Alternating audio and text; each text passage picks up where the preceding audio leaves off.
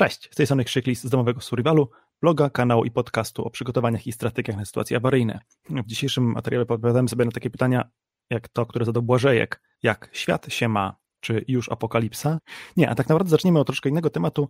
E, mianowicie chciałem pogadać z wami o tym, czy bushcraft i survival to jest to samo, czy na czym polega prawdziwy survival i e, czy co, jedno, co z jednym i z drugim wspólnego mają przygotowania na sytuacje awaryjne, czyli preparing albo nowoczesny survival. Od dawna szykowałem się do nagrania takiego materiału, ale jakoś nie było ku temu okazji, bo zawsze było coś ważniejszego. To pogadamy o tym w formie transmisji na żywo. E, tradycyjnie taka prośba, jeśli macie jakieś pytania, piszcie proszę je, przynajmniej pierwszą część wielkimi literami, wtedy będę widział na czacie, że to są pytania skierowane do mnie, a nie, że wy się wymieniacie doświadczeniami, co też jest samą ogromną wartością, do czego was gorąco zachęcam, że tak ze sobą dyskutujecie e, pod transmisją, to jest zawsze fajne. Zresztą z tych komentarzy potem mogą korzystać też osoby oglądające nas później. Transmisja naturalnie będzie zapisana na, e, i dostępna na YouTubie, wyczyszczona wersja tej transmisji bez takich e, niepotrzebnych wstępów, e, bez przerw, kiedy na przykład będę przełykał herbatę. Będzie dostępna dziś wieczorem albo jutro dla osób wspierających nas w splecie patronite.pl. To jest jedna z nagród, którą dajemy w zamian za to wsparcie. Survival jest ekstremalną wersją bushcraftu, albo bushcraft jest ekstremalną wersją survivalu. Za moment o tym pogadamy. Tak. Nie wiem, e, jeszcze tak z tytułem wstępu, nie wiem co tam dobrego u Was, natomiast powiem, że pogoda jest w Polsce taka se. Spodziewałbym się, że w styczniu i w lutym będzie już troszkę lepiej, w sensie bardziej zimowo, ale jest jak jest, także przynajmniej dobre to, że dni się robią coraz dłuższe, coraz będzie cieplej i za chwilę będę mógł spędzać więcej czasu na świeżym powietrzu, bo na razie tam się nie chce. Dobra, to idźmy, e, idźmy w takim razie śladem tego tematu. Kurt Rolson dodał drugi komentarz, pisząc, że bushcraft jest ekstremalną wersją biwakowania. Survival jest ekstremalną wersją bushcraftu, a bushcraft jest ekstremalną wersją biwakowania. To może ja bym zaczął od czegoś innego. Mianowicie, czym jest survival? Survival, tak jak się to na to słowo patrzy po prostu i tłumaczy się je wprost, to jest najzwyczajniej w świecie sztuka przetrwania. Czyli takie, taki zestaw cech, umiejętności, sprzętu, czy, czy umiejętność robienia sprzętu, zbierania sprzętu, pamiętania, żeby ten sprzęt mieć przy sobie, umiejętność wykorzystania czegoś w przyrodzie, umiejętność sygnalizowania swojej obecności, umiejętność nawigowania z użyciem kompasu, albo gwiazd, albo mapy i gwiazd. Survival to jest sztuka przetrwania, czyli coś, co ma nam pozwolić przetrwać, jak sama nazwa wskazuje. I wspominam o tym z tego względu, że wrzuciłem, ostatnio w ogóle wrzucam dużo takich krótkich filmów na różne platformy, innymi y, TikToka i YouTube'a, e, bo wychodzę z założenia, że to jest też miejsce, gdzie są nasi odwiedzający.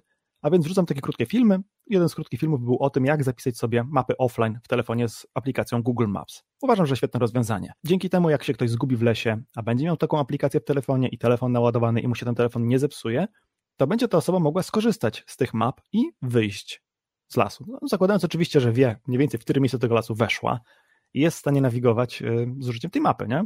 Bo Google Maps w trybie offline nie jest w stanie znaleźć trasy y, dla pieszego, trasy pieszej, Poza tym, jak jest las i tam nie ma żadnych ścieżek, to też to niewiele da. Ale oczywiście spotkałem się z komentarzami, że to jest bez sensu, że to nie jest prawdziwy survival, bo po co promować jakieś rozwiązanie, które nie zadziała, kiedy na przykład nie będzie e, telefon działać, kiedy się ten telefon zepsuje, albo się go zgubi, albo nie wiem, wpadnie w kałużę i ekran pęknie, chociaż to nie raczej wpadnięcie w kałużę. To są oczywiście wszystko jakby uwagi jak najbardziej zasadne. No nie można opierać swojego przetrwania na czymś, co może nie zadziałać. Z drugiej strony, opieranie swojego przetrwania na przykład na czymś takim jak umiejętność wykrywania, rozpoznawania kierunków świata w oparciu o to, z której strony drzewa rośnie mech, co jest metodą bardzo zawodną, też jest błędem. Zawsze uważałem, że w survivalu chodzi o to, żeby po prostu przetrwać, żeby zmaksymalizować nasze szanse na przetrwanie, a więc między innymi korzystać z tych rozwiązań technicznych, które mamy pod ręką. Jeśli mamy telefon i jest to nasze podstawowe narzędzie przetrwania, nie okłamujmy się, przecież tak dokładnie jest, to powinniśmy dbać o to, żeby ten telefon działał. Powinniśmy zwiększać jego efektywność, czy może przydatność w sytuacjach awaryjnych, właśnie na przykład zapisując sobie te mapy offline, a nie kombinować, co tu robić, żeby tego telefonu, a nie, a nie tylko kombinować, jak o siebie zadbać, kiedy ten telefon nie będzie działać. Telefon będzie działać w 90% przypadków, więc najpierw zadbajmy o to, żeby w tych 90% przypadków maksymalizować nasze szanse, a dopiero w drugiej kolejności skupmy się na tym, co zrobimy w tych pozostałych 10%. Zasada Pareto mówi, że 80% działań daje 20% rezultatów i na odwrót, 20% na przykład klientów przynosi 80% zysków. U nas w sklepie troszkę tak jest. E, w firmie, w której pracuję, troszkę też tak jest, nie? To czy oczywiście to są takie rzeczy przybliżone i tu chodzi głównie o zasadę, że czasami niewielka część daje, wiąże się z dużym kosztem albo z dużym dochodem. Tak może być też na, na przykład jeśli chodzi o budowę mieszkania czy budowę domu. I jak się nad tym zastanowić, to żeby osiągnąć podobny rezultat pod kątem naszej zdolności do wychodzenia z lasu, w którym się zgubimy, z użyciem mapy i kompasu, czyli na te 10% szans, kiedy, kom, kiedy kom, telefon komórkowy nie będzie działać, musimy poświęcić znacznie więcej wysiłku niż na zapisanie tej mapy offline i potem raz do roku ściągnięcie jej jeszcze raz, nie? zaktualizowanie jej, żeby nie wygasła. No bo trzeba się nauczyć korzystać z mapy, trzeba kupić tę mapę, trzeba dbać o to, żeby tę mapę raz na jakiś czas wymieniać. To, to nie chodzi o to, żeby tę mapę wymieniać co roku czy co 5 lat, no bo jeśli nawigujemy po lesie, to ten las zazwyczaj jest podobny przez te 5 lat, ale może tam się coś zmieni, nie? Niewielkiego. Raczej drogi nowe się przez, tym, przez ten las nie pojawią, a, a stare drogi nie zostaną zlikwidowane. Chyba, że mam, chyba, że mam, jeszcze raz, chyba, że mamy mapę sprzed 30 lat, no to wtedy może rzeczywiście tak być. Pamiętam, że na szkoleniu z Universal Survival chłopaki wspominali, że jedną z tak podstawowych zasad korzystania z map jest to, żeby nie przypisywać zbyt dużej wagi obiektom pozostawionym w świecie przez człowieka, domom, drogom, liniom energetycznym, bo te obiekty mogą z czasem zniknąć, jak mamy starą mapę, nie? Czyli Raz jeszcze, przygotowując się na ten scenariusz, który jest w 90% przypadków, poświęcam na to kilkanaście minut, żeby tę mapę ściągnąć. Nie obejrzeć ten film, nauczyć się to robić, ściągnąć tę mapę, zrobić to samo na telefonach bliskich. Chcąc zadbać o te 10% brakujące, muszę poświęcić odpowiednio więcej czasu. A zatem zacząć powinniśmy od tego, co jest najłatwiejsze do zrobienia, a daje potencjalnie największy zysk. Największy zysk, bo jest największa szansa, że trafimy z tymi przygotowaniami. I to oczywiście nie jest prawdziwy survival, przy czym prawdziwy survival definiowany jako korzystanie wyłącznie z takich prymitywnych rozwiązań. prymitywnych rozwiązań w zakresie e, wzywania pomocy, schronień, budowania schronienia, uzdatniania wody, co jeszcze, mm, nawigacji właśnie. Ale to nie jest survival, w sensie korzystanie z prymitywnych metod to nie jest survival. Korzystanie z prymitywnych metod to jest bushcraft, bushcrafting.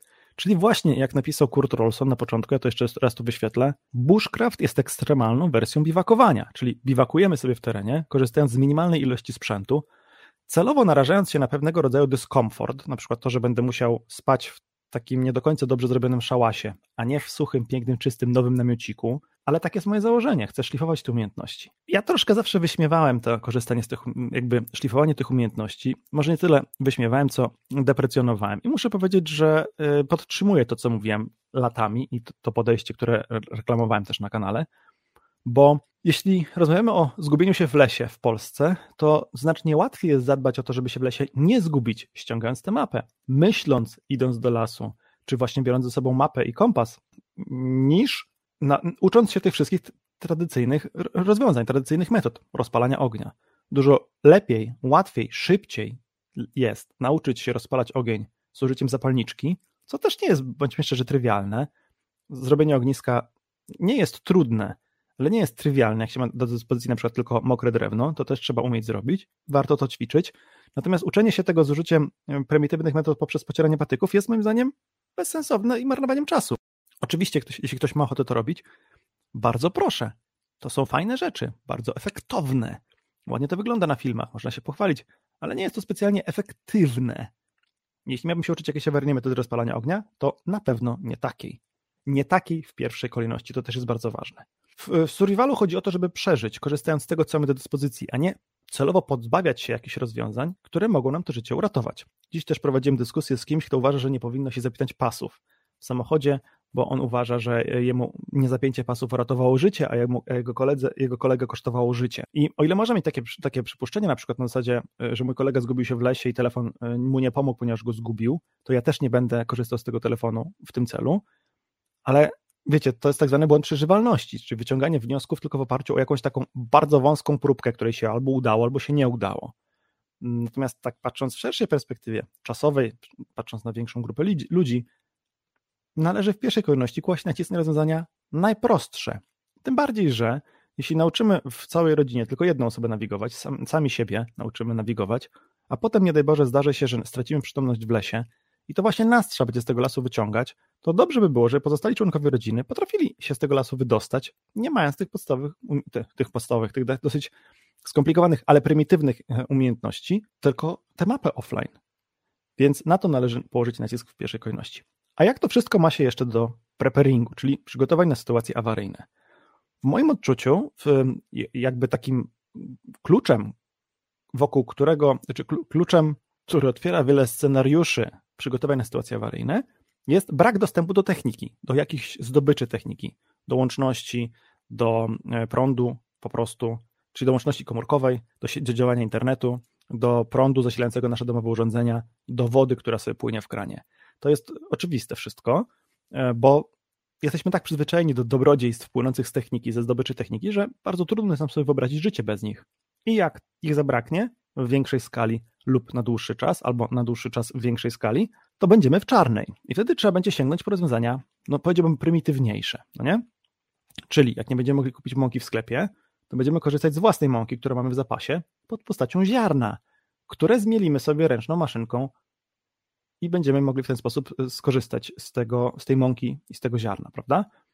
Ale to nie oznacza od razu, że powinniśmy budować sobie żarna, takie kamienne żarna, za pomocą których będziemy mielić to, to ziarno raz na, nie wiem, może nigdy potencjalnie. A raczej to powinno być rozwiązanie naprawdę takie bardziej, naj, najbardziej mm, hmm, ostatnie w kolejności wszystkich tych, ostatnią warstwą, którą będziemy budować jako ostatnią, ponieważ wymaga ogromnego wysiłku. A dużo lepiej jest na przykład użyć młynek do kawy, za pomocą którego również zmielimy to ziarno na postać mąki, może takiej troszkę grubszej, oczywiście zużywając prąd, ale tego prądu wcale nie idzie tak dużo, więc być może uda się jakoś zorganizować awaryjne źródło tego prądu albo zapas jego na sytuację, kiedy prądu w gniazdku nie będzie i nie trzeba będzie od razu budować sobie takich tradycyjnych żaren. Podobnie jest z, jakby zaspokojeniem innych naszych potrzeb. Jeśli chodzi o wodę, to oczywiście dobrze jest umieć rozpalić ognisko, żeby tę wodę zdezynfekować z użyciem garnka i płomienia, ale to nie oznacza, że powinniśmy na przykład nie mieć nowoczesnego filtra do wody, albo nie mieć tabletek do jej uzdatniania, albo nie mieć takiego ultrafioletowego um, urządzonka, nawet nie wiem, jak to się profesjonalnie nazywa, urządzenia służącego do dezynfekcji za pomocą promieniowania ultrafioletowego. Wsadzasz takie coś do szklanki z wodą, czy do butelki z wodą, włączasz, to świeci, bakterie i wirusy giną, masz dezynfekowaną wodę. Rozwiązanie świetne. Może działać bardzo długo.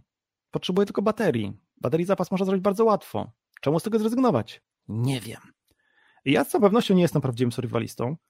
Wiele osób powie, że też nie jestem prawdziwym preperem, ale mam to szczerze mówiąc w dupie. Natomiast e, w takim trady- tradycyjnym rozumieniu tego pojęcia, w którym survival ma służyć przeżyciu, uważam, że taką definicję spełniam jak najbardziej.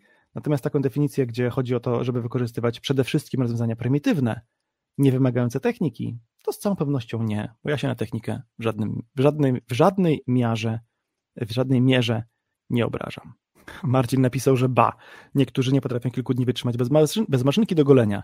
Ja się bardzo źle czuję, jak nie jestem ogolony, także to, to na pewno ja, ale czy w sytuacji, czy, czy starałbym się nauczyć na przykład, jak krzemienie naostrzyć, żeby móc później w sytuacji awaryjnej tymi krzemieniami się golić? Nie. Zadbam o to, żebym miał awaryjny, awaryjną maszynkę do golenia, żebym mógł się ogolić minimalną ilością wody, żebym miał tę wodę do ogolenia się, ale jak się nie będę mógł golić, to się nie będę golić. Nic się z tego powodu złego nie stanie. Tak bardzo, nie? Natomiast e, no, są ludzie, którzy na przykład idą krok dalej i kupują brzytwy, bo uważają, że brzytwą można się golić dużo dłużej. I to pod kątem tak zwanego nowoczesnego survivalu, czyli przygotować na sytuacje awaryjne w taki sposób, żeby korzyści odnosić także, kiedy nic złego się nie stanie, paradoksalnie może być lepszym rozwiązaniem niż to, co ja zrobiłem, po prostu zapas maszynek takich jednorazowych i tych mm, wymiennych ostrzy do maszynki wielorazowej, z której korzystam, dlatego że brzytwa, jeśli człowiek umie się z niej korzystać i nie zrobi sobie krzywdy, jest w eksploatacji tańsza. Czyli mam korzyść na co dzień, jeśli nic złego się nie stanie, będę mógł się tanio golić brzytwą, a jeśli coś się złego stanie, to będę mógł się golić brzytwą dalej, kiedy nie będzie w sklepach normalnych maszynek. I to jest w ogóle idealny kierunek, w którym powinno się iść, przygotowując na sytuacje awaryjne. Wszędzie powinniśmy szukać takiej synergii. Korzyści na co dzień, że mamy coś, co nam pomoże, gdy zabraknie prądu, gazu, wody, mm, sklepów, w sensie zapatrzenia sklepów, jak i wtedy, kiedy nic złego się nie stanie bo jeśli nic złego się nie stanie, będziemy odnosić korzyści polegające na zupełnie innych rzeczach. Survival uczy, jak radzić sobie w prymitywnych warunkach, gdy na przykład będzie trzeba uciekać czym prędzej i pozostawić Boba. Nie, właśnie uważam, że nie. Właśnie to bushcraft uczy, jak radzić sobie takimi najbardziej prymitywnymi metodami.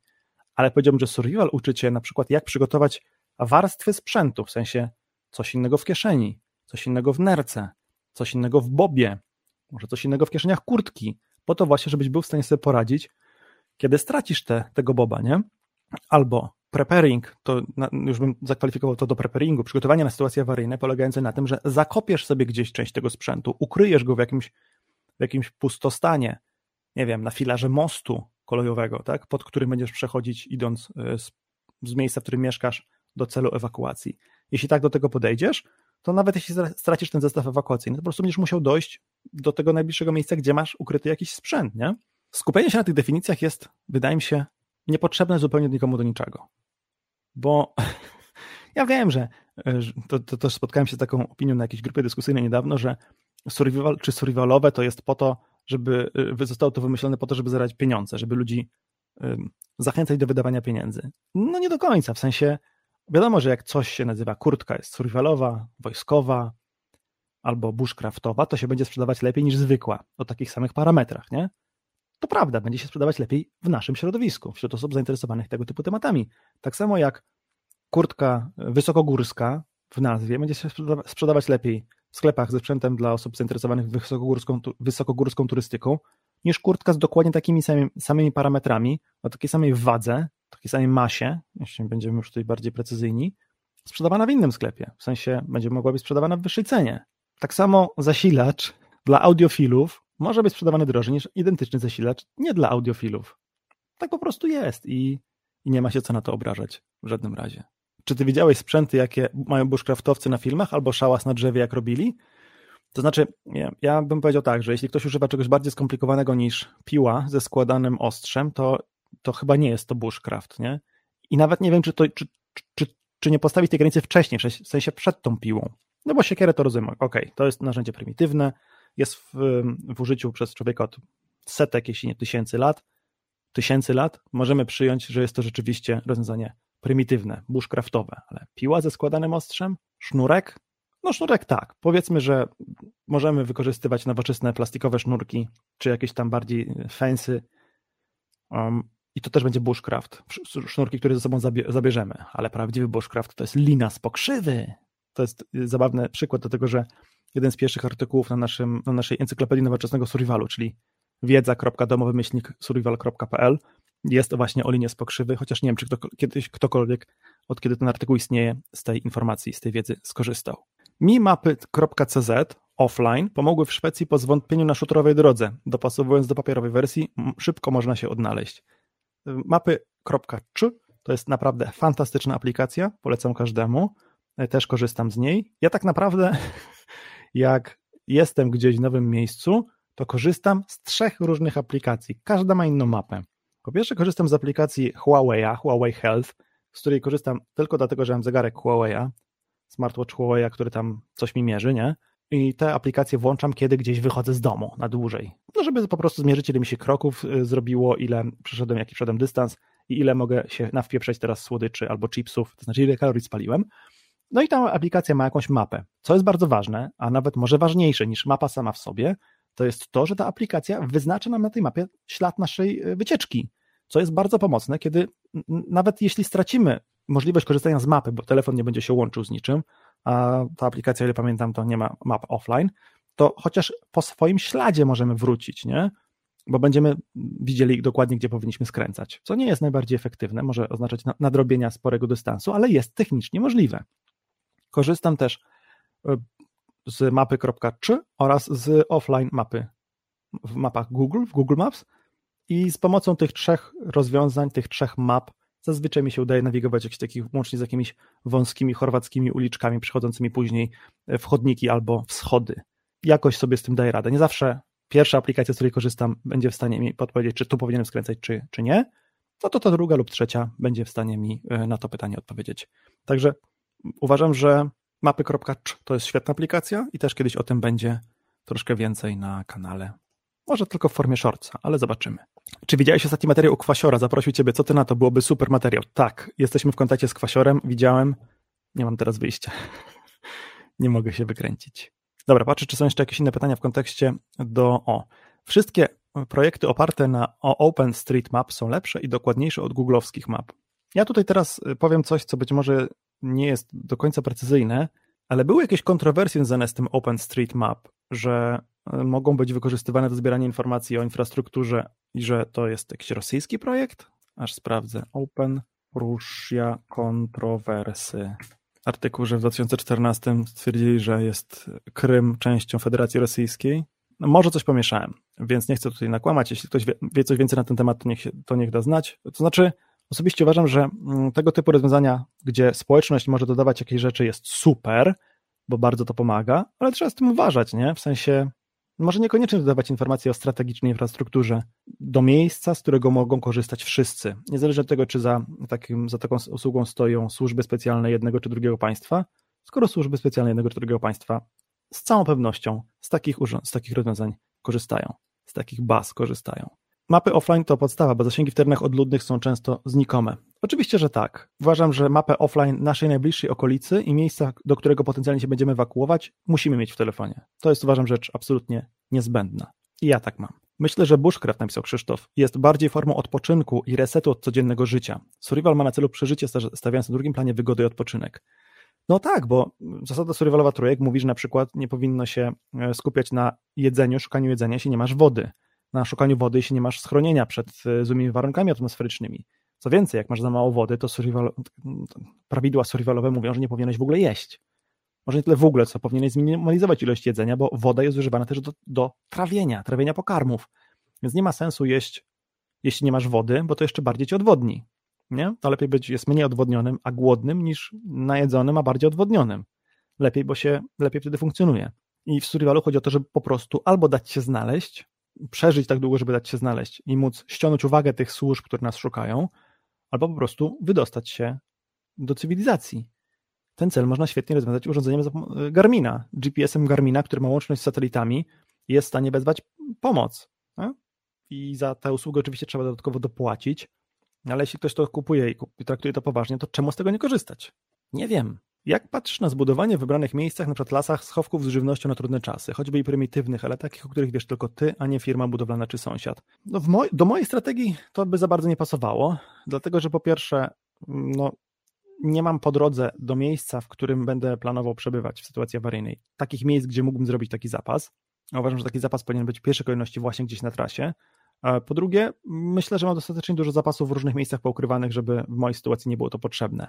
Ale wiadomo, że jedyna dobra odpowiedź na tym kanale to zawsze jest to zależy, jeśli ktoś ma ograniczone możliwości w mieście, w domu, w którym mieszka, wynajmuje mieszkanie, jeszcze do tego jakieś ciasne, albo mieszka w mieszkaniu studenckim z innymi ludźmi, no to zaczyna to mieć ręce i nogi. Tylko trzeba to robić jakoś z głową, żeby tych rzeczy nie stracić. Wydaje mi się, że powoli będziemy zmieniać temat. Jak coś się jeszcze pojawi, to ja potem to też do tego E, nawiążę. Dobra, jeszcze jest jedno pytanie, czy komentarz B. Wright napisał, Survival polega na tym, że idziesz do lasu z samym nożem i ogarniasz sobie nocleg i całą resztę, a bushcraft polega na tym, że idziesz do lasu, bo ci się tam podoba. Nie. Bushcraft polega na tym, że idziesz do lasu z samym nożem, bo ci się tam podoba, bo ci się tak podoba, a survival polega na tym, że lądujesz w tym lesie wbrew swojej woli. Może niekoniecznie z samym tylko nożem, a na przykład jeszcze z wrakiem samolotu i musisz przetrwać, że zanim cię ktoś uratuje. Chociaż może nie musisz, może to po prostu jest twoja własna decyzja. Tu było jeszcze jakieś pytanie. Co sądzisz o nowym wykopie 5.0? Nie wiem, nie mogę się przyzwyczaić. W ustawie o broni i amunicji skrócono z trzech miesięcy do miesiąca wymagany staż przed, przed przystąpieniem do egzaminu strzeleckiego. Co o tym myślicie? Warto zainwestować, zainteresować się pozwoleniem na broń? Ja jeszcze nie widziałem nic o tych zmianach, w sensie o tych konkretnie zmianach w ustawie. Nie mam pewności, czy te ograniczenia były w samej ustawie, czy to były ograniczenia związane z, wynikające z regulaminów Polskiego Związku Strzelectwa Sportowego, a nie chcę tutaj teraz nakłamać, ja od 2014 roku, czyli prawie 10 lat mówię, że warto jest zrobić pozwolenie na broń. Pamiętając oczywiście o tym, że wiążą się z tym pewne ograniczenia, na przykład to, że będziemy na liście posiadaczy broni, która być może kiedyś będzie wykorzystana przez kogoś do jakichś niecnych celów. Te trzy miesiące oczekiwania to naprawdę jest pikuś w kontekście całego procesu. To znaczy, ten proces, znam go dość dobrze, bo po pierwsze nagrałem o ten film, a nie zmienił się od tego czasu aż tak znacząco. Po drugie, wiele osób pisało mi, tak, Krzyśku, super metoda, to działa, dziękuję. Po trzecie, co roku zmieniam tytuł tego filmu na kolejny rok, żeby ludzie wiedzieli, że to działa w dalszym ciągu. I non-stop ludzie piszą, tak, tak, 2022, a film z 2014. No stary, ale przepisy się nie zmieniły. Wreszcie kilka, kilku znajomych mi, znanych mi, znajomych mi, kilku moich znajomych, kilka znanych mi osób przeszło tę procedurę bez, bezproblemowo.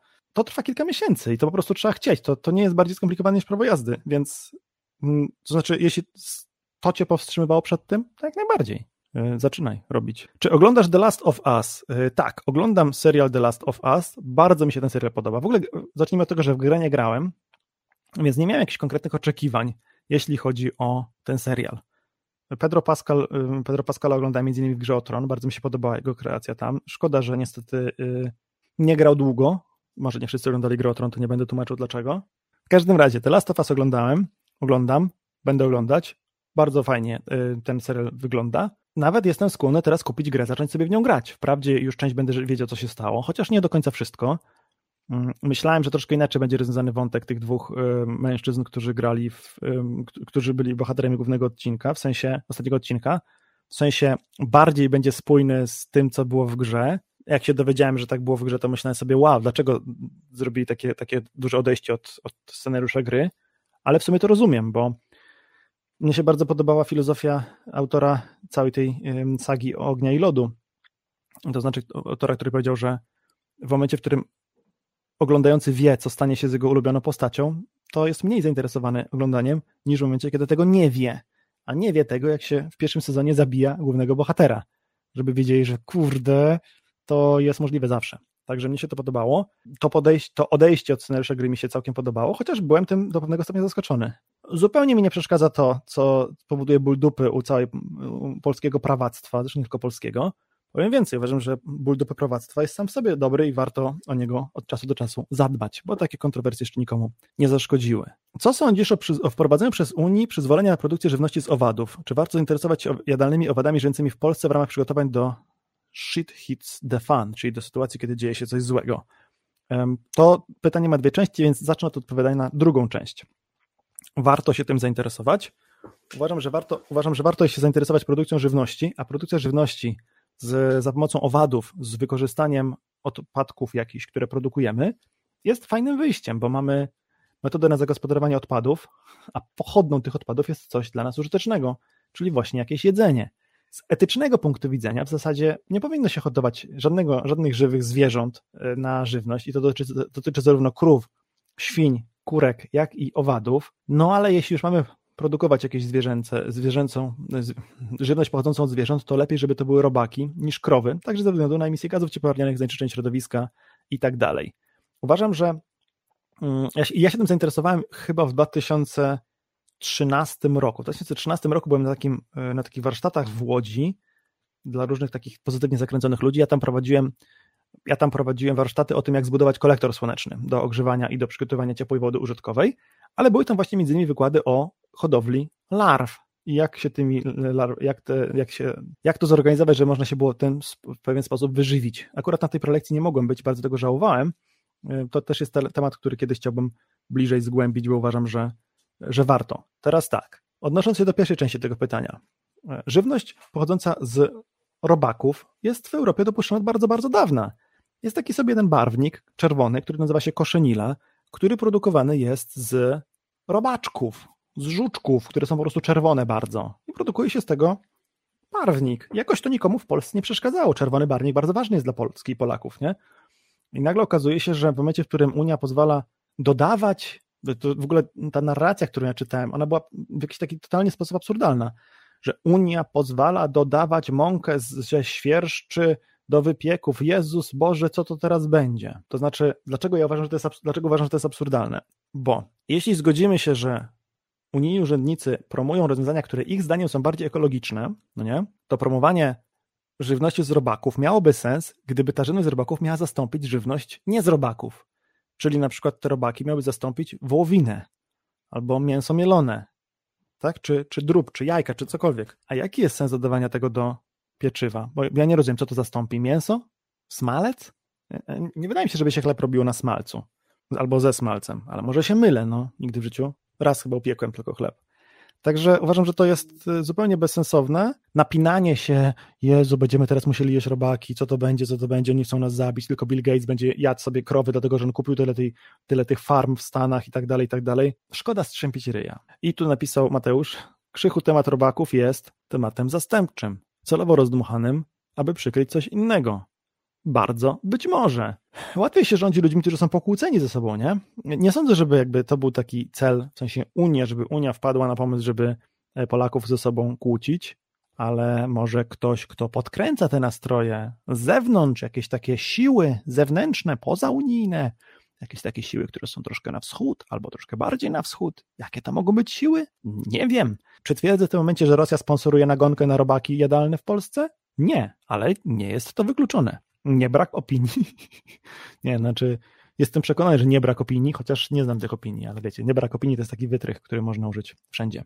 Poza tym, tak odnosząc się do meritum, pół świata je robaki i nic się złego nie dzieje, więc nie wiem w czym problem, naprawdę nie wiem w czym problem. Człowiek żywił się przez e, całe swoje istnienie mięsem i nagle jest źle. O co w tym chodzi? A to jest akurat bardzo prosto wytłumaczyć i, i, i nie ma się co tutaj jakby dziwić. Nie jesteśmy w stanie utrzymać konsumpcji na takim poziomie, na jakim mamy tę konsumpcję teraz. Po prostu. Kropka. Jeśli każdy na świecie konsumowałby tyle co Polak, bylibyśmy no, w czarnej. Środowisko nie jest w stanie pomieścić takiej ilości gazów cieplarnianych na przykład bez bardzo kłopotliwych i bardzo drastycznych zmian klimatu, jeśli wszyscy będą chcieli konsumować na poziomie takim jak Polak, czyli państwo, Polska to państwo rozwinięte. I dlatego właśnie coś, co, z czego korzystaliśmy zawsze, musi ulec zmianie. Tak samo jak nie było możliwe zachowanie takiego wzrostu liczby dorożek w Londynie, ponieważ Londyn byłby zawalony końskim łajnem, tak samo nie jest możliwe zatrzymanie, osiągnięcie takiego samego rozwoju, czy podtrzymanie takiego tempa rozwoju, jak mamy teraz. Trzeba będzie iść na ustępstwa. No i albo na te ustępstwa pójdziemy teraz, w miarę szybko, w miarę bezboleśnie, chociaż rzeczywiście wszystkich będzie bolała dupa, że trzeba jeździć autobusem, a nie samochodem.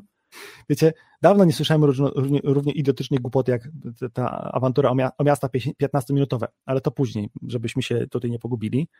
Natomiast y, albo będziemy pewne oszczędności w korzystając ze środowiska czynić teraz, albo dojedzie nas to w przyszłości i w przyszłości będziemy musieli poczynić jeszcze większe oszczędności. To ja myślę, że lepiej jest więcej oszczędzać teraz, troszkę oszczędzać teraz, niż być zmuszonym do ogromnych oszczędności w przyszłości.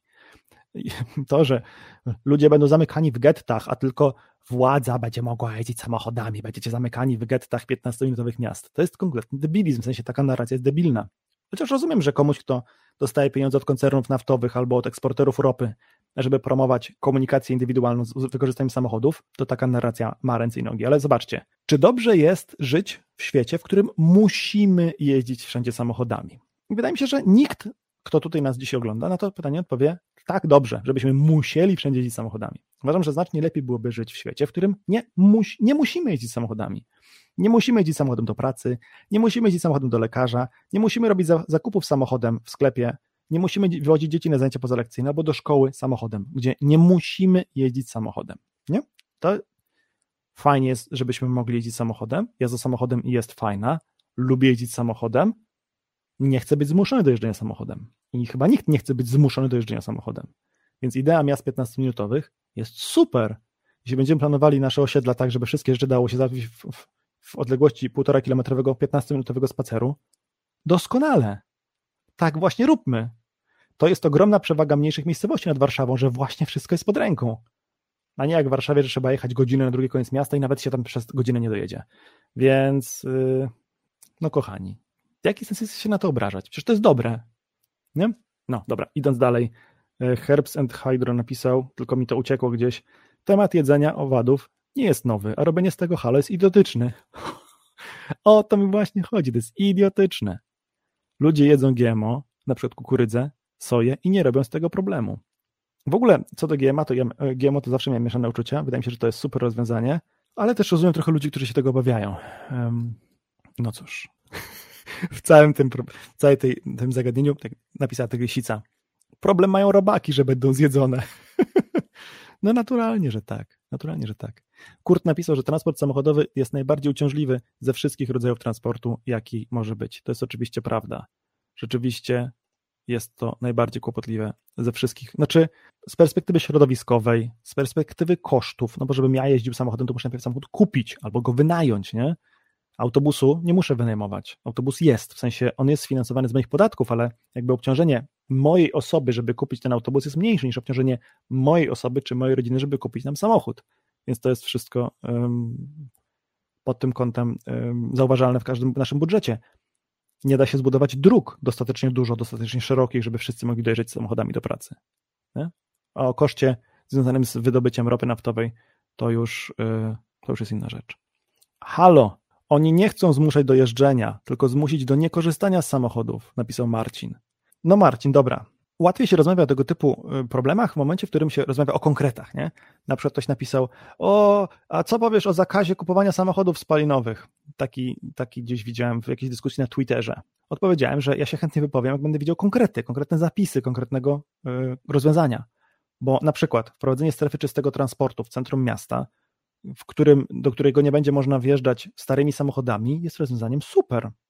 To nie jest remedium na problem smogu, ale to jest coś, co w rozwiązaniu tego problemu smogu pomoże. To jest, to jest także coś, co zmniejszy liczbę tych samochodów wjeżdżających do centrum miasta, a więc spowoduje, że ludziom, ludziom będzie się bardziej opłacać jeździć komunikacją publiczną. Będzie po prostu tą komunikacją publiczną jeździć szybciej i lepiej. To jest zakaz, to jest ograniczenie wolności naszej. Tak, z całą pewnością tak, jest to ograniczenie naszej wolności, ale takim samym ograniczeniem wolności jest most od dla pojazdów od dopuszczalnej masie całkowitej do 2,5 tony. Ja mam samochód kempingowy, który waży powyżej 2,5 tony, który jest stary, na pewno nie wiedzie do centrum miasta. I do wielu centrów miast na zachodzie też bym nie wjechał już dziś tym samochodem. No ale wiecie, wolność jednego człowieka kończy się tam, gdzie jest wolność drugiego człowieka. Wolność moja do wjeżdżania starym samochodem jest tam, gdzie komuś to może przeszkadzać albo powodować jakieś problemy. Czy wolność w ogóle wjeżdżania przeze mnie samochodem kończy się tam, gdzie zaczyna się wolność kogoś innego do tego, żeby na przykład spać spokojnie w nocy. Nie? Mogę sobie wyobrazić, że są osiedla, na które się samochodem w nocy nie wjeżdża. A dlaczego w sumie by nie? Także w ogóle takie podchodzenie do tego tematu z takiej stricte wolnościowej perspektywy jest też trudne z tego względu, że ludzie czasami mówią, ale dlaczego ktoś ma mi ograniczyć wolność jeżdżenia samochodem? Albo ograniczyć wolność kopcenia, palenia byle czym. No ale postulat nie agresji odnosi się między innymi do tego, że się nie wrzuca sąsiadowi za płot śmieci albo hałasu i tak dalej. Jest zakaz dodawania mąki z robaków do pasz dla zwierząt, bo są badania, że bardzo im szkodziła. Krzysztof, jak się wypowiadasz, to poznaj najpierw temat. Bożygniew, poczekaj. Ale czy ta mąka będzie dodawana obowiązkowo do tych, do tych wyrobów piekarniczych, czy ona będzie mogła być dodawana? Bo gdyby ona miała być dodawana obowiązkowo, tak jak biodiesel jest dodawany obowiązkowo do benzyny, to mógłbym się ewentualnie zgodzić na to, żeby protestować gdybym rzeczywiście widział jakieś badania naukowe, które potwierdzają, tak jak tu mówisz, że to jest złe dla ludzi. Natomiast nie rozmawiamy o obowiązku dodawania czegokolwiek. Natomiast jest obowiązek do podawania składu surowcowego produktów, które kupujesz. To, że wielu ludzi ma to centralnie w dupie i nie zagląda do tych, do tych rozpisek, kupując na przykład wędlinę w sklepie, to jest inna kwestia, ale technicznie rzecz ujmując, mamy do tego prawo. I tego nikt nie będzie likwidować. Chyba, czy może uważasz, że będzie że będzie obowiązek dodawania tej mączki z robaków i będzie zakaz informowania o tym. No to ja w takie bajki to niestety nie uwierzę. Ej, bo stream ogląda 110 osób, a jest tylko 46 lajków. Co z wami ludzie? To znaczy, to jest bardzo cenna uwaga. Będę bardzo wdzięczny, jak dacie więcej łapek w górę, bo to zawsze jest sygnał, że się ten materiał e, komuś do pewnego stopnia pomaga. Że ten materiał jest dla kogoś do pewnego stopnia pomocny. W ogóle metod wspierania nas jest e, cała masa, między innymi można nas wspierać właśnie dając łapki w górę, albo wysyłając super czaty czy super podziękowania później. Mamy też taką zasadę, którą wprowadziliśmy jakiś czas temu, że o ile nie odpowiadamy na wszystkie komentarze e, i nie poruszamy wszystkich, nie czytamy czy nie wyświetlamy na czatach na żywo wszystkich komentarzy, ponieważ niektóre są głupie i nie o to chodzi, żeby to promować głupie komentarze, to wyświetlamy, czytamy i odnosimy się do wszystkich komentarzy przesłanych w formie super chatów. To taki jakby priorytetowy list wysyłany pocztą, który na pewno do nas dotrze i który na pewno przeczytamy, do którego na pewno się odniesiemy. Także do tego gorąco zachęcam. I oczywiście do wspierania na serwisie Patronite również. Ja mieszkam w odległości około 10 km od, od, dużego miasta i problem pojawia się, gdy muszę tam dotrzeć. Wszystko dlatego, że komunikacja miejska, podmiejska jest tragicznie zorganizowana. I to jest to, co jakby miało spore znaczenie dla mnie, kiedy ja sobie mm, zastanawiałem się, jak urządzić sobie dorosłe życie, nie? gdzie mieszkać. Ja zawsze chciałem mieszkać pod miastem, zawsze chciałem mieszkać na wsi, zawsze chciałem mieć duży dom, może inaczej, dużą działkę. I do, dom na tyle duży, żeby czuł się w nim mm, komfortowo, żeby nie miał takiego poczucia, że wszystkie, że, że jest tam za ciasno, ale też, żeby to był dom na tyle mały, żeby był tani w utrzymaniu. E, to już w ogóle, żeby też był tani w budowie. Dom tani w budowie to jest tania działka. Tania działka to jest działka daleko od miasta. Daleko od miasta oznacza jeżdżenie z dzieciakami na zajęcia pozalekcyjne. Oznacza utrudniony start w dorosłość tych dzieciaków, które mają utrudniony dostęp do tych zajęć pozalekcyjnych. W mieście jest o to łatwiej. W mieście jest łatwiej, jeśli się jest staruszkiem, o pomoc lekarza. Nawet nie chodzi o to, żeby ta karetka przyjechała szybciej, ale po prostu łatwiej jest się do tego lekarza dostać, po prostu schodząc, pakując się do niskopodłogowego autobusu, podjeżdżając dwa przystanki i wychodząc pod przychodnią, albo jadąc własnym samochodem, kawałeczek, powolutku, kiedy człowiek jest już staruszkiem i sprawia mu to trudność, albo podjechanie taksówką, kiedy nie jest to bardzo drogie, nie? albo poproszenie o pomoc kogoś bliskiego jest łatwiejsze, gdy się mieszka w mieście, gdzie ten ktoś bliski mieszka, a nie pod miastem, gdzie trzeba tam jechać do tego y, staruszka godzinę. Więc yy, ja z wielką przyjemnością teraz, czy za kilka lat, kiedy moje dzieci y, będą już większe, wyprowadziłbym się na wieś, bo wtedy to, ten kontakt z miastem nie będzie mi tak potrzebny jak teraz. Ale dziś ja sobie też nie wyobrażałem bycia uzależnionym od samochodu, bo wiecie, to jest właśnie ta perspektywa, z której, która powodowała, że ja to odrzuciłem. Nie chciałem być uzależniony od samochodu. Nie chcemy być, przygotowując się na sytuacje awaryjne, z jednej strony uzależnieni od prądu, od rurki z wodą i od gazu, szykujemy sobie rozwiązania awaryjne, ale jeśli mieszkamy gdzieś, gdzie nie ma pracy, jesteśmy uzależnieni od jeżdżenia do biura, to jesteśmy w czarnej, jesteśmy w jeszcze gorszej sytuacji, niż gdybyśmy byli uzależnieni od e, po prostu wody czy prądu. Dlatego, że wystarczy, że paliwa podrożeją dwu, trzy, czterokrotnie i nagle się okaże, że w ogóle nas nie stać jest na to, żeby pracować. A jak już tak się stanie, to ten dom też nie będzie nic wart. Bo ten dom trzeba było sprzedać wcześniej, kiedy jeszcze był cokolwiek wart, a kiedy nikogo nie będzie stać na dojeżdżanie stamtąd, to nikt tego domu nie kupi. I nie dość, że się okaże, że my, my musimy umrzeć z głodu, to nie jesteśmy w stanie się z tego w żaden sposób wyrwać. Chyba, że zostanie bezdomnymi żebrakami w mieście, bo nie stać jest nas na, na ułożenie sobie życia od nowa. Komunikacja publiczna poza miastami nie istnieje, a w miastach jest jej degres, dostępność i jakość spada. To jest to, o co powinniśmy walczyć. To nie jest do końca nowoczesny survival, nie? Ale powinniśmy o to walczyć. A ja uważam, że i tak najlepszym rozwiązaniem jest praca zdalna, także polecam. Mąka z robaków nie będzie oznakowana w składzie, tylko całe robaki. Taka niespodzianka z Unii. Firma z Wietnamu, która dostała koncesję, utajniła proces produkcji smacznego. DD Reporter. Poproszę o podanie konkretnego linka. To zupełnie nie brzmi wiarygodnie. To brzmi jak taka bajka.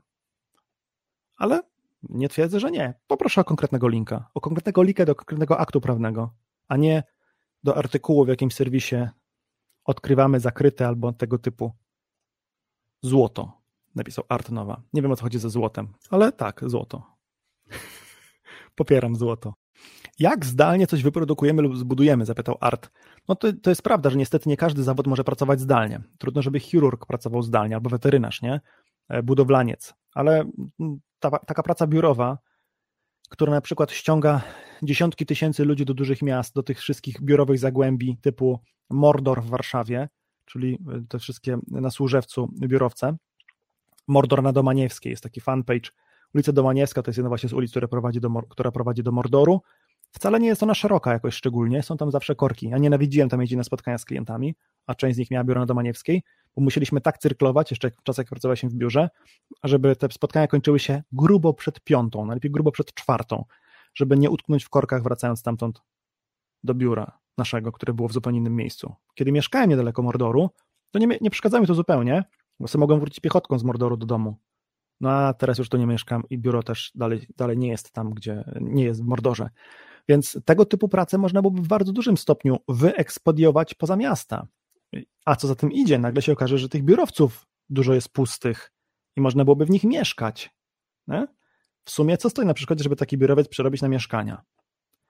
A to by oznaczało, że mamy super mieszkania z wielkimi oknami, w pięknych miejscach bardzo często, nierzadko przy stacjach kolejowych albo jakichś centrach przesiadkowych, przy metrze, przy pętlach tramwajowych, same zalety.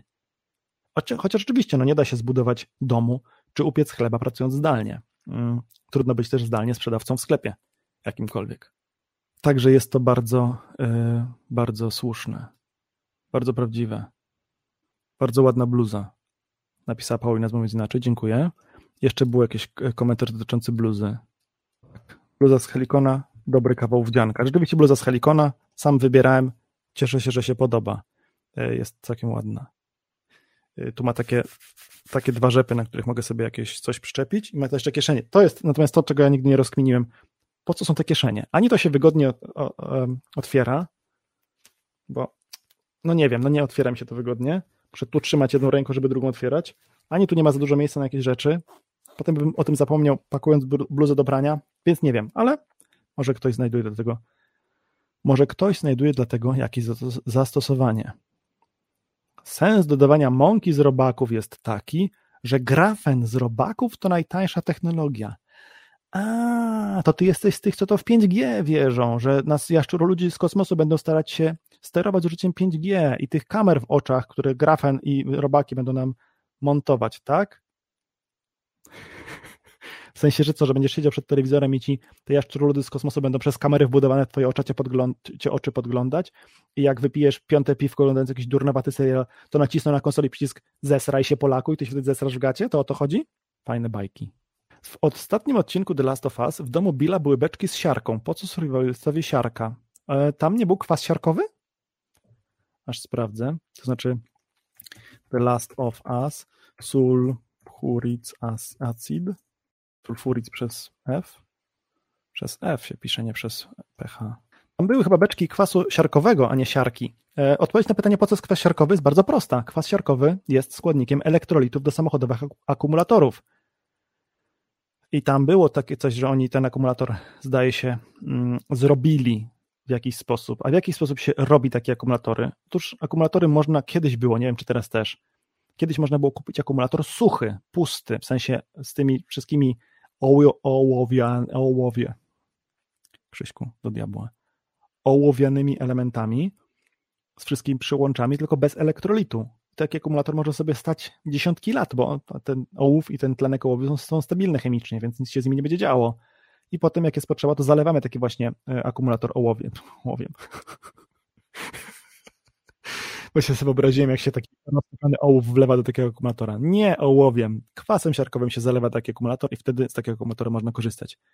Miałem coś takiego, bo w maluchu miałem taki akumulator, mój dziadek 30 lat temu kupił taki akumulator, nie wiadomo po co, może po prostu wtedy były, dziadek wiedział, że może kiedyś być potrzebny, bardzo to jest dobre podejście, za komuny, wiecie, było bardzo słabo z różnymi rzeczami, no i ten akumulator stał, stał, stał, stał sobie pusty, potem dziadek już nie jeździł maluchem, w związku z czym nie był mu potrzebny, potem ja jeździłem maluchem, gdzieś trzeba było wymienić akumulator i dostałem ten akumulator.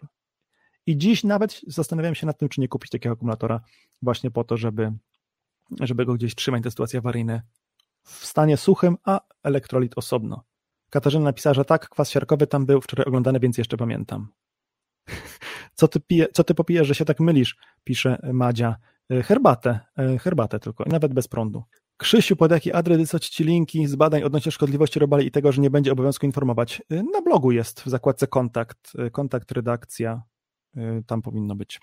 W ogóle na Facebooku ten live mocno zrywa, lepiej jest na YouTubie, pisze Herbs and Hydro. To jest dziwne, dlatego że w ogóle jak my technicznie to ogarniamy, my się łączymy z platformą Restream, czyli wysyłamy jeden, jeden sygnał i Restream potem to rozsyła na cztery platformy. Dziwne, że, że tak to działa. Rafał napisał, do tych kieszeni na ramionach wkłada się woreczki z groszkiem, żeby optycznie powiększyć bicepsy. tak, to może, może o to chodzi.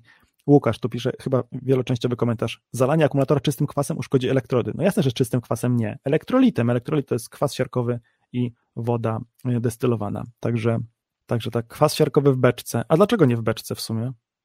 To nie przechowuje się kwas siarkowego w beczkach? A przemyślę to nie w beczkach? Nie wiem, no wiecie, ja nigdy nie widziałem beczki kwasu siarkowego na oczy, więc tu się nie będę wymądrzał, ale yy, moim zdaniem w beczce tylko kwestia, z czego ta beczka. Bo Żygniew napisał, że zaraz wyślę i czeka na sprostowanie. Bardzo proszę, wyślij, może nawet zdążymy do tego zajrzeć teraz. Czy Twoim zdaniem można się jakoś zabezpieczyć przed produktami żywnościowymi, które będą skażone toksynami lub patogenami, a propos The Last of Us? To znaczy zapas żywności, który zrobimy w, w domu, w tym ujęciu mógłby nam pomóc, no nie? To znaczy, nie, nie chcąc psuć oglądania filmu czy serialu osobom, które tego jeszcze nie zrobiły, to tak może oględnie. Patogen był w żywności, po prostu, nie? I za pomocą żywności się rozprzestrzenił. I gdybym Gdyby taka sytuacja miała miejsce teraz, no nie? Że pojawiłaby się informacja, że żywność jest skażona, to ktoś, kto ma zapas żywności, sięga do zapasu żywności, nie kupuje żywności w sklepach i nie ma problemu w zasadzie. Więc to jest najprostsze rozwiązanie, tak mi się wydaje. Błażejek zapytał, czemu, od, e, czemu zapas zboża jest lepszy od zapasu mąki? I tutaj już zostałem, w, w, jak to się mówi, wyręczony przez Dawida, który napisał, że mąka szybciej się psuje, a cześć wam napisał albo napisała, że zboże może dłużej stać. Dokładnie o to chodzi. Zboże może dłużej stać w formie ziarna niż mąka po zmieleniu, bo mąka po zmieleniu ma kontakt z tlenem i tam różne procesy mogą w tym zachodzić, pogarszając jakość tego, tej mąki. Także tak. Dlatego lepiej jest zrobić zapas pszenicy i młynek do, do mąki niż zapas mąki. Życzę powodzenia w jeżdżeniu w Wiśle, na południu, choćby w Wiśle, jeździć bez dużego momentu 4x4, obszernej paki i reduktora z blokadami. No są takie miejsca, gdzie rzeczywiście komunikacja publiczna będzie utrudniona, nie? I mogę sobie wyobrazić sytuację, że za 50 lat na przykład, kiedy transport indywidualny będzie dużo droższy, albo będziemy jeździć elektrykami wszyscy, bo nie będzie ropy w sensownych cenach, pewne miejsca będą się wyludniać, nie? Właśnie takie miejsca, gdzie jest człowiek uzależniony od transportu indywidualnego, że one się będą wyludniać. Może tam ludzie dalej będą mieli domy na lato, gdzie będą sobie jeździć raz samochodem i siedzieć potem tam całe lato jeżdżąc po okolicach rowerem, a może się tam nie będzie jeździć wcale. No. Wiele nas zmian czeka w przyszłości. Myślę, że przygotowania na sytuacje awaryjne są właśnie po to, żebyśmy byli sobie w stanie w czasie takich zmian poradzić, to znaczy, żebyśmy mieli taką elastyczność. Im więcej zapasu, im większy zapas pieniędzy mam, tym większy, na większą elastyczność sobie pozwolę, kiedy stracę pracę, albo kiedy zmieni się sytuacja gospodarcza w kraju. Im większy zapas żywności mam, tym na większą elastyczność mogę sobie pozwolić, na przykład kiedy wzrosną ceny tej żywności, bo może wzrosły przez panikę zakupową, po prostu przez parę tygodni nie będę nic kupował z konkretnej grupy produktów, dzięki temu oszczędzę. Może po prostu będą się stopniowo przedstawić, na przykład z mięsa na inne produkty niemięsne.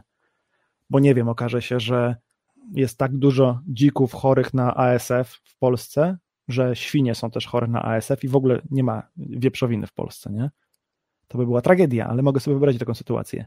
No i wtedy, jak mam zapas tego mięsa, albo mam chociaż, chociaż troszkę zapasu tego mięsa, mogę, czy zapasu mięsa albo produktów służących do, zastąp do zastąpienia mięsa, mogę jakoś przeczekać tę panikę i yy, poczekać na unormowanie się rynku, nie? Po każdym kryzysie, po każdym kryzysie sytuacja wróci do normy, tylko że to będzie najprawdopodobniej nowa norma, na jakimś być może innym poziomie konsumpcji, może innym poziomie liczby ludności. Nasze przygotowania na sytuacje awaryjne mają nam pomóc przetrwać ten czas przejściowy i pomóc nam dostosować się do tej nowej normy. Jeśli nowa norma będzie oznaczała, że nie jeździmy samochodami, bo nas po prostu jest na to nie stać, albo dlatego, że faszystowskie rządy nam tego zabroniły, no to czy chyba, to chyba nie chcemy żyć w miejscu, gdzie musimy jeździć samochodem, nie? Wydaje mi się, że nie. Podobno Darwin powiedział, że nie przetrwa najsilniejszy ani najbardziej inteligentny, a ten, który, który przystosuje się do zmian, napisała Joanna Cieśniewska na Facebooku.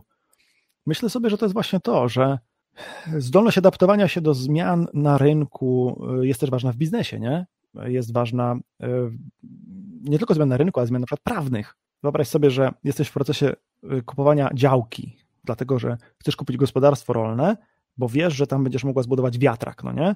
Po czym nagle zmieniają zasady, wprowadzają zasadę 10H, akurat w momencie, w którym ty kupujesz ten, tę działkę i jesteś już na etapie, kiedy zapłaciłaś część pieniędzy, masz kredyt, a nie możesz zbudować tego wiatraka, czy wydzierżawić komuś pola pod ten wiatrak. I nagle okazuje się, że jesteś w najgorszym momencie, bo gdybyś zaczekała troszkę, gdybyś trafiła w ten moment po tej zmianie, to działka potanieje. Może w ogóle jej nie kupisz. Może bank ci nie da kredytu i jakby uniemożliwi ci kupienie jej w ogóle. A jeśli trafisz tak niefortunnie, no to jesteś, brzydko mówiąc, w czarnej, w czarnej dupie. Ja w ogóle pluję sobie w brodę, bo kiedyś, o to już będzie z 15 lat temu, mogliśmy kupić działkę gdzieś w okolicy Wrocławia, na której był zbudowany wiatrak i właściciel tej działki dostawał czynsz za, za wykorzystanie tego kawałka gruntu. Na tyle dużo hajsu dostawał, że to się, że to spłacało samo w sobie kredyt. Tylko ja wtedy nie byłem gotowy psychicznie do takiej zmiany. Dziś żyłbym jak pączek w maśle, bo by mi się ta działka spłacała sama w sobie. Słyszałem, że produkcja prądu w tym roku w Polsce wzrosła, zarówno z elektrowni, jak i fotowoltaiki i wiatru, i że Polska eksportowała energię. Czy dalej wierzysz w blackout? O to się akurat śmiesznie składa, dlatego że nie dalej jak e, wczoraj patrzyłem sobie w dane, zresztą mam je w dalszym ciągu, teraz mogę nawet je pokazać. Czekajcie, jak to zrobić teraz mądrze? Gdzie jest to okienko? Pokaż ekran. Ja to odświeżę, to jest ekran pokazujący produkcję prądu w Polsce. Wczoraj i dzisiaj. Żółte to jest fotowoltaika. Jak widzicie, wczoraj momentami były prawie 2 MW. To znaczy, w ciągu godziny wyprodukowano 2000, prawie 2000 MWh, czyli tak jakby średnio pracowały te um, instalacje fotowoltaiczne z mocą 2 MW. Wiatraki średnio 6 MW, 4,7 MW gigawata. 4,7 gigawata, 4,7 tysiące megawatów, megawatów węgiel brunatny, 8,5 węgiel kamienny. To latem to są zupełnie inne proporcje, nie? ale mamy teraz styczeń, tego słońca jest bardzo niedużo. Zresztą widać, jest go tutaj tylko przez kilka godzin. Dziś maksimum było 1400 MWh. Także produkcja prądu się zwiększa, ale w żadnym sensie nie uważam, żeby to zmniejszało czy eliminowało ryzyko blackoutu. Bo blackout może się brać z wielu różnych czynników. Jestem przekonany, że co roku będziemy mieli i to pewnie wiele razy lokalne blackouty, powodowane na przykład przez linie energetyczne, które będą uszkadzane przez gałęzie zwieszające się na te linie, oblodzone, albo przez lód po prostu uszkadzający te linie, e, albo przez pijanego gościa, który wjedzie ciężarówką w, tak, w taki słup i po prostu linię energetyczną zniszczy. Jeśli takich, mm, takich awarii będzie więcej wskutek jakichś gwałtownych zmian, zmian zjawisk pogodowych, jakiejś burzy na dużym obszarze, to na dużym obszarze nie będzie prądu. To nie będzie miało nic wspólnego z tym, że będzie fotowoltaika działać, czy że elektrownie węglowe będą produkować prądu na eksport. Nie ma jednego, jedno z drugim żadnego związku. Prądu może zabraknąć też wtedy, kiedy bloki energetyczne będą działać, yy, kiedy będą wyłączane, bo nie będą mogły działać z braku wody. To oznacza yy, na przykład, że jak będzie zbyt mały poziom wody w Wiśle, to elektrownie będące zbudowane wzdłuż Wisły, w Kozienicach na przykład, nie będzie mogła ta elektrownia pracować, bo po prostu nie będzie miała wody do chłodzenia bloków energetycznych. Także wydaje mi się, że nie da się, nie da się tego e, uniknąć. Cieszy mnie to, o czym piszesz, że tego prądu jest coraz więcej, natomiast nie mam poczucia, żeby to likwidowało ten, likwidowało ten, e, to ryzyko. Skoro o tym rozmawiamy, Błażejek napisał, czy jak mamy panele fotowoltaiczne, to czy warto zainwestować w baterie do przechowania prądu z nich? Tradycyjnie odpowiedź na to pytanie brzmi oczywiście, to zależy.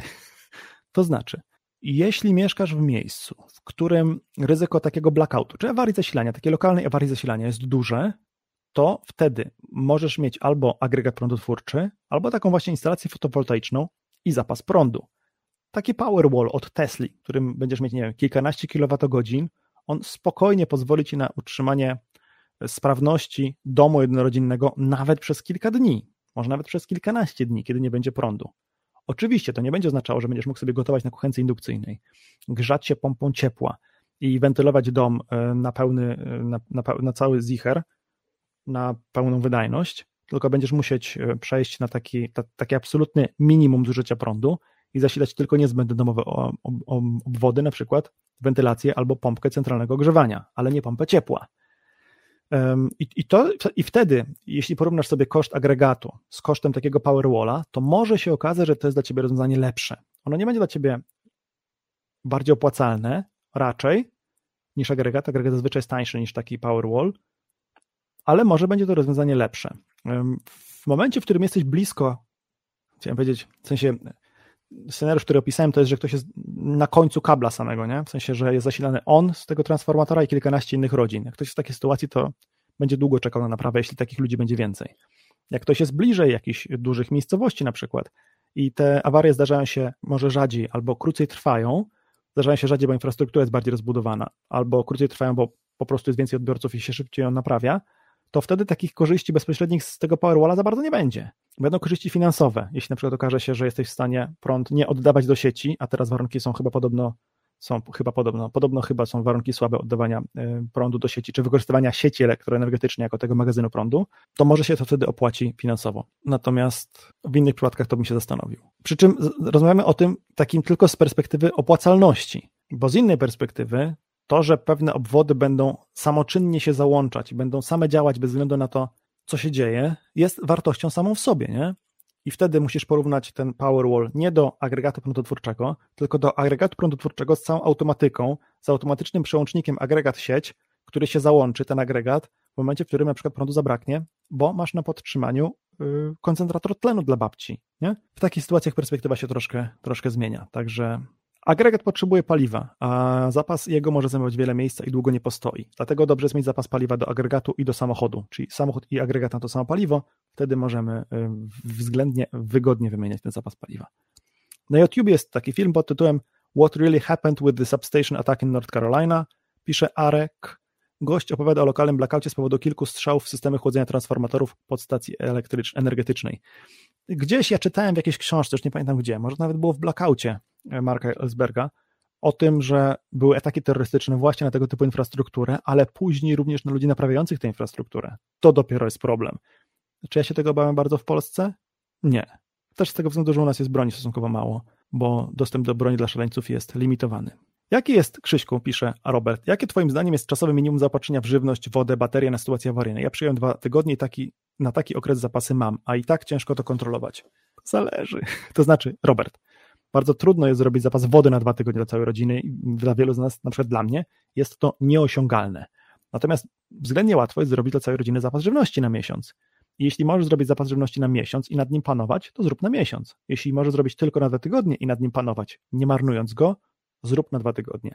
Wtedy rozwiązaniem dla Ciebie mogą być właśnie w uzupełnieniu takim czymś, co pozwoli ten zapas regularnie wymieniany na dwa tygodnie przeskalować o kolejne dwa tygodnie. Mogą być na przykład racje żywnościowe, które się wymienia raz na 5 lat, albo takie raz na 20 lat.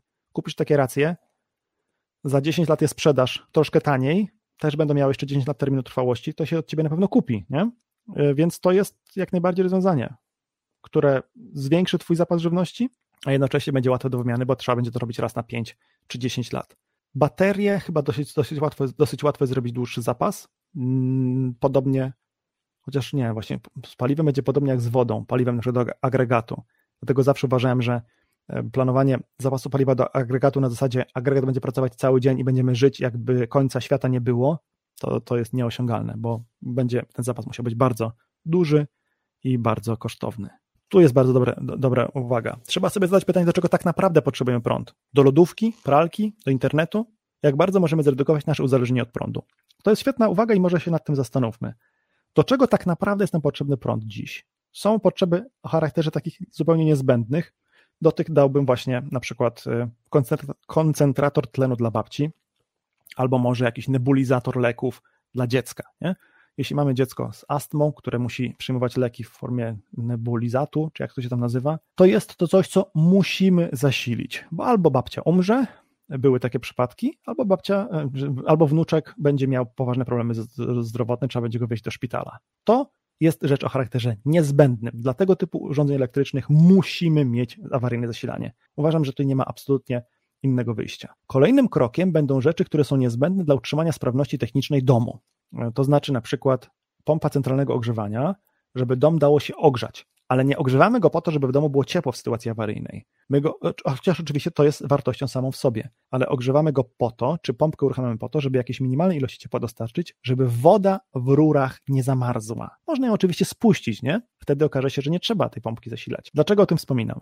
Bo y, brak prądu jakby pochodną tego braku prądu może być poważna awaria, popękanie rur w zamarzniętych ścianach i konieczność zrobienia grubego remontu. Więc to bym nazwał rzeczami może nie takimi nie, nie, nie niezbędnymi, rzeczami, które muszą działać, może nie tyle muszą, ale które dobrze byłoby, żeby działały, nie?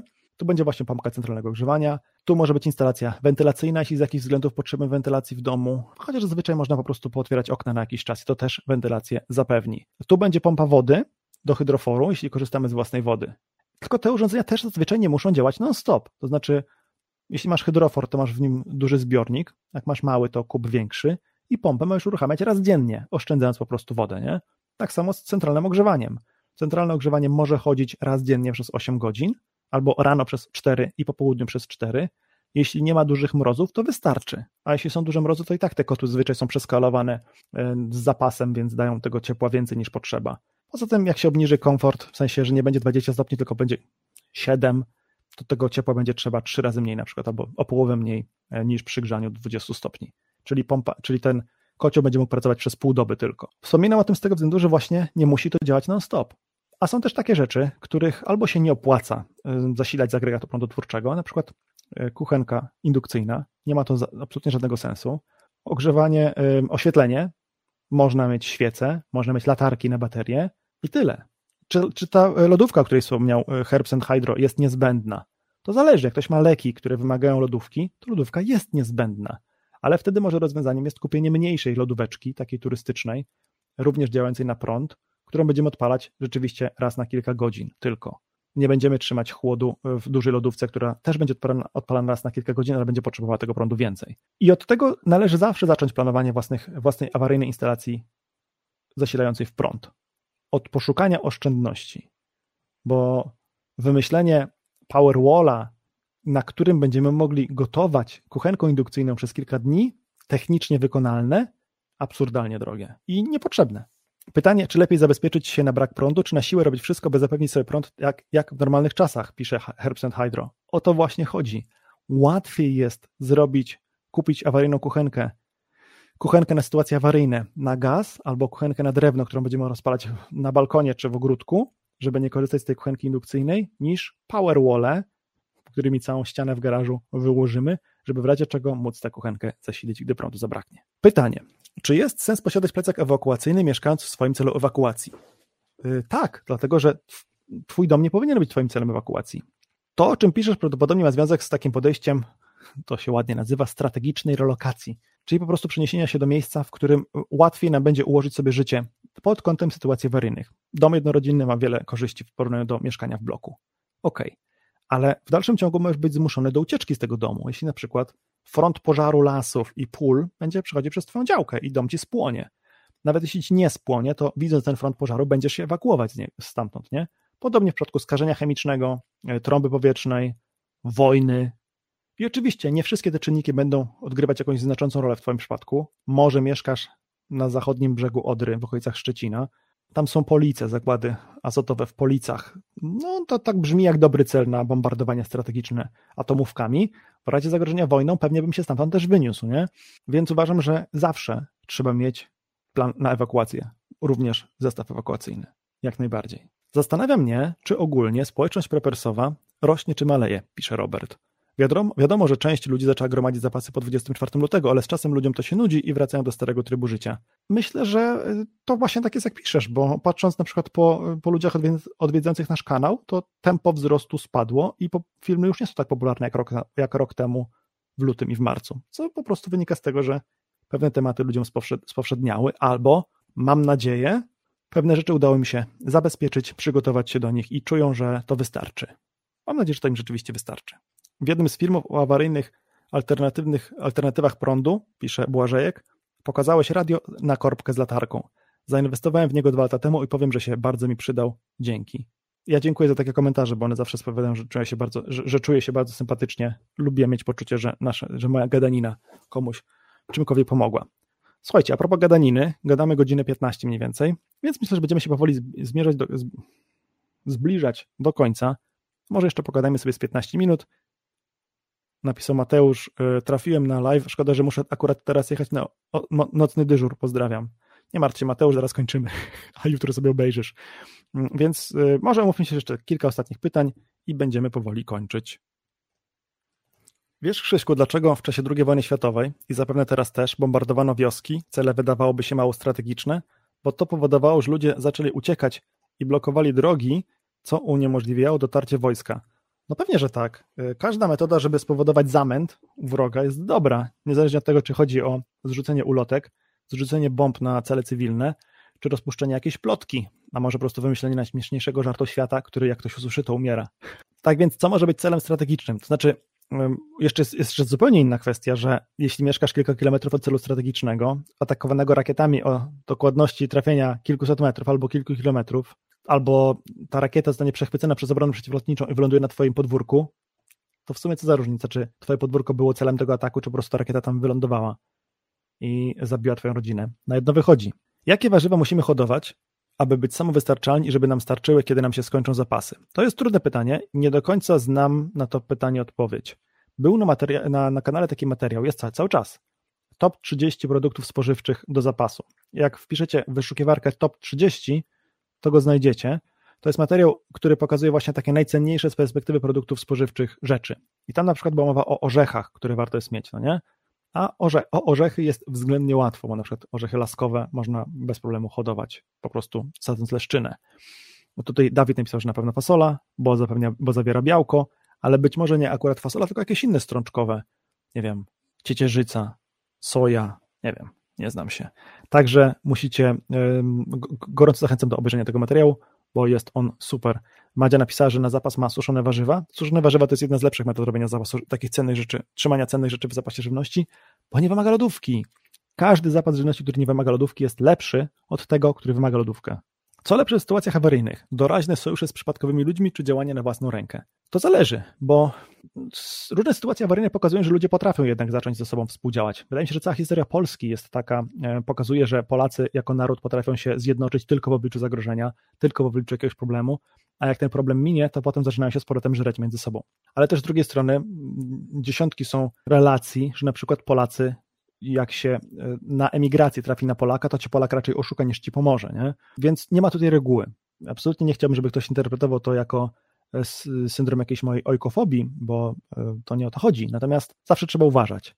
Masz sporą szansę, że ktoś ci pomoże pozbierać zakupy, jeśli ci się gdzieś tam rozwali torba na ulicy, albo pomoże ci wypchnąć samochód z zaspy w śniegu, jeśli gdzieś tam ten samochód ci utknie. To jak najbardziej jest możliwe. W takim dłuższym kryzysie, już ludzie mogą zacząć bardziej myśleć o sobie niż o pomocy innym. I może się okazać, że wasze interesy nie będą do końca spójne, a nawet będą pod, pod pewnymi względami sprzeczne. Więc y, no, na, na dwoje babka wróżyła. Jak to mawiali chyba w kabarecie Otto. Każdy kij ma dwa końce, a proca trzy, więc nie wiadomo. Katarzyna uzupełniła tę moją odpowiedź dotyczącą warzyw, że warzywa łatwe do przechowywania i to jest bardzo cenna informacja. Ja w ogóle o tym nie pomyślałem, że oczywiście, cóż nam z tego, że zrobimy sobie, że będziemy uprawiać warzywa w takiej ilości, że będziemy ich mieć na 5 lat dla naszej rodziny z każdego jednorocznego zbioru. To jest super pomysł, bo mamy z jednej strony żywność dla nas i coś na handel. Możemy wymienić na jajka, mleko, nie wiem, paliwo, amunicję. Ale cóż nam z tego, jeśli to się popsuje, jeśli nie będziemy w stanie tego przechowywać? I tu trzeba kombinować, żeby na przykład mieć możliwość przechowania tych, tych, tych marchewek w kopcu, czy w ziemiance, a potem jak już się termin przydatności tej marchewki z ziemianki będzie kończył, to żeby na przykład przerobić ją na marchewkę suszoną właśnie na jakiejś solarnej suszarce na wiosnę, kiedy jeszcze nowa marchewka nie, się nie pojawi. Albo y, tak zaplanować, żeby był zbiór marchewki dwa razy do roku. I część na przykład od razu suszymy, wtedy będzie wytrzymywała dłużej, a część potem pakujemy w kopce na zimę. Także takich rozwiązań jest, y, o to też trzeba zadbać, bo nie jest sztuką produkować żywność, a potem jej nie zjeść, nie? Robert pisze.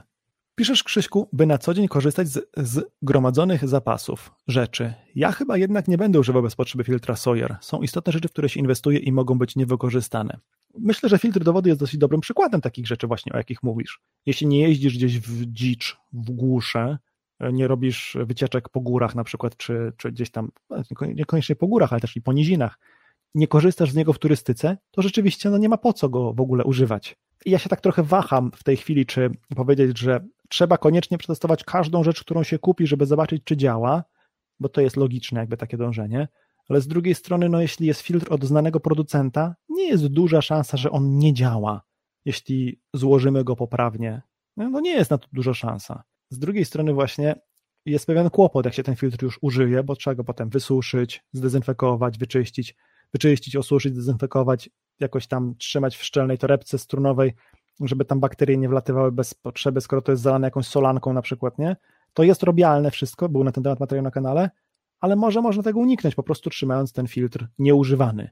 Zwłaszcza jeśli trzymamy go w miejscu, gdzie jest narażony na przemarzanie, czyli na przykład w domku na działce, no to tam nie można trzymać filtra użytego raz, bo woda w filtrze może potencjalnie zamarznąć. Czy zbieranie ziół, na przykład pokrzywy i hodowla kiełków już teraz i posiadanie ich w zapasie, dodawanie ich do jedzenia jest dobrym pomysłem na dodanie do jedzenia witamin i minerałów? Tak, kiełki to jest superfood dla prepera. Ja nawet mam na liście materiałów, y, pomysłów na filmy, taki materiał o tytule Superfood dla prepera i dwukropek kiełki. Tak, kiełki są super rozwiązaniem, ponieważ pozwalają w znacznie większym zakresie skorzystać z tych y, cennych substancji odżywczych przechowywanych w ziarnie niż samo ziarno czy mąka z tego ziarna, więc jak najbardziej warto jest to robić, zwłaszcza już dziś. Dzień dobry, ja chciałbym właśnie zapytać, jaki filtr turystyczny do wody wybrać, pisze Adam. Mój ulubiony filtr, filtr, który eksploatowałem ostatnio latami, niestety już nie jest y, w sprzedaży, a taki nowy, który sobie kupiłem, żeby go potestować i ewentualnie go wprowadzić do sprzedaży w sklepie. Kurde, ktoś mi go sprzątnął, no. Przykro mi, na to pytanie nie mam niestety na ten moment dobrej, odpo dobrej odpowiedzi. Powinno być uregulowane prawnie, co powinniśmy mieć w domu na trudne czasy, pisze Roberto, e, przepraszam, Robert Bando. Mój wewnętrzny wolnościowiec, kiedy to czyta, to się burzy. Z drugiej strony, jeśli zgadzamy się, że w domach mus, musi być wentylacja, ogrzewanie, prąd, woda, kanalizacja, możemy się zgodzić, żeby w tym domu powinien, że, że w tym domu powinien być alarm przeciw, przeciwpożarowy, alarm e, czy czujnik tlenku węgla, albo na przykład gaśnica, albo na przykład y, piwniczka, ziemianka. Mogę się zgodzić, że powinniśmy do tego dążyć. Więc y, no nie wiem. Boży Gniew, znowu coś zmyśla. Dzisiaj przeszła ustawa o tym, że prywatnie nie możesz mieć nawet jednej kury, kolejne będą warzywa i zioła. Które proponujesz, żeby zabezpieczyć się w formie nasion, żeby w miarę prosta była uprawa? Co? Ustawa? Kury? Ustawa, zakaz hodowli kur. Hodowla kur bez pozwolenia, czy to możliwe? Okiem rolnika, 30 listopada 2021. Nope. Nic tu takiego nie widzę. Wiesz co, Bożygniew, może umówmy się, że ty przestaniesz kłamać, a ja cię w, ramian, w zamian za to nie zbanuję. Ok? Może się tak umówmy. Bo jak nie, to po prostu się pożegnamy. Czy mógłbyś zrobić filmik o zwiększeniu zasięgu prowizorycznym do telefonów, może CB radia? Widziałem, że w Kambodży Misza takie coś robił z drutu. Ja bym chciał o CB radiach nagrać film, ale jeszcze nie jestem do tego dość kompetentny. Dobra, kochani, powoli się zbieramy do końca. Odpowiem jeszcze na pytanie Maciejka i będziemy się żegnać. Czy na ziemiankę trzeba mieć pozwolenie? Yy, to zależy. To znaczy, kiedy myśmy przygotowywali zbiórkę na ziemiankę i na przygotowanie tego projektu, projektu, który ostatecznie powstał i można sobie go kupić, projektu ziemianki do budowy w domu, to obowiązujący ówcześnie stan prawny był taki, że parterowe budynki gospodarcze można było budować bez pozwolenia. To jest zresztą w dalszym ciągu tak napisane. Ale czy ziemianka, jako że jest wkopana w ziemię, nawet tylko częściowo, jest budynkiem parterowym w istocie rzeczy? No właśnie to zależy. I to zależy od e, urzędu, czy urząd to zaakceptuje takie podejście, czy nie. I tu się oczywiście pewnie pojawi mnóstwo komentarzy na zasadzie Krzyśku, ziemianek nie wolno, schronów nie wolno budować na pozwolenie, bo jak urząd się dowie, to urząd potem przyjdzie i was stamtąd wygoni. Albo nie urząd, tylko ktoś to dane z urzędu wykradnie. Powiem tak, naiwnym jest myślenie, że jeśli coś ci się uda zbudować bez pozwolenia, bez wiedzy urzędu, to urząd się o tym w żaden sposób nie dowie. W świecie, kiedy zdjęcia z dronów są tak banalnie tanie, w świecie, w którym zdjęcia z lidara, czyli z takiego czegoś, co wykrywa wszelkie górki i dołki na działce, te zdjęcia są banalnie proste do zrobienia e, i do kupienia, można je kupić. Jestem przekonany, że można kupić te zdjęcia e, również historyczne. To co ci po tym, że sobie takie coś zbudujesz, jak to będzie widać na jakichś zdjęciach za jakiś czas później? Więc raczej podejście, którym bym ja się kierował, to właśnie jest budowanie czegoś, co na papierze wygląda zupełnie niegroźnie zupełnie nie wygląda w żadnym stopniu na schron, czyli w, ziemianka w najlepszym razie. To robić zgodnie z przepisami. Z, y, jeśli są potrzebne papiery, pozwolenie, to załatwić papiery, pozwolenie i się tym nie przejmować. To jest jedno z ostatnich zmartwień, którym bym się osobiście ja przejmował. No i kochani, gadałem półtorej godziny. Jest tylko 130 osób, czy aż 130 osób i tak mało łapek w górę. Dajcie proszę na koniec, e, jeśli ten materiał był dla Was w, jakiś, w jakimś ujęciu interesujący. W przyszłym tygodniu powinien być normalny materiał, a za dwa tygodnie kolejny live, bo ostatnio wychodzi, że live są co dwa tygodnie. Może, ponieważ sytuacja za wschodnią granicą troszkę nam powszednieje, może uznamy, że tę częstotliwość można zmniejszyć do raz na trzy tygodnie na przykład. Zobaczymy. Było mi bardzo miło się z Wami spotkać, a teraz koniecznie zobaczcie ten film. Do zobaczenia. Trzymajcie się. Cześć.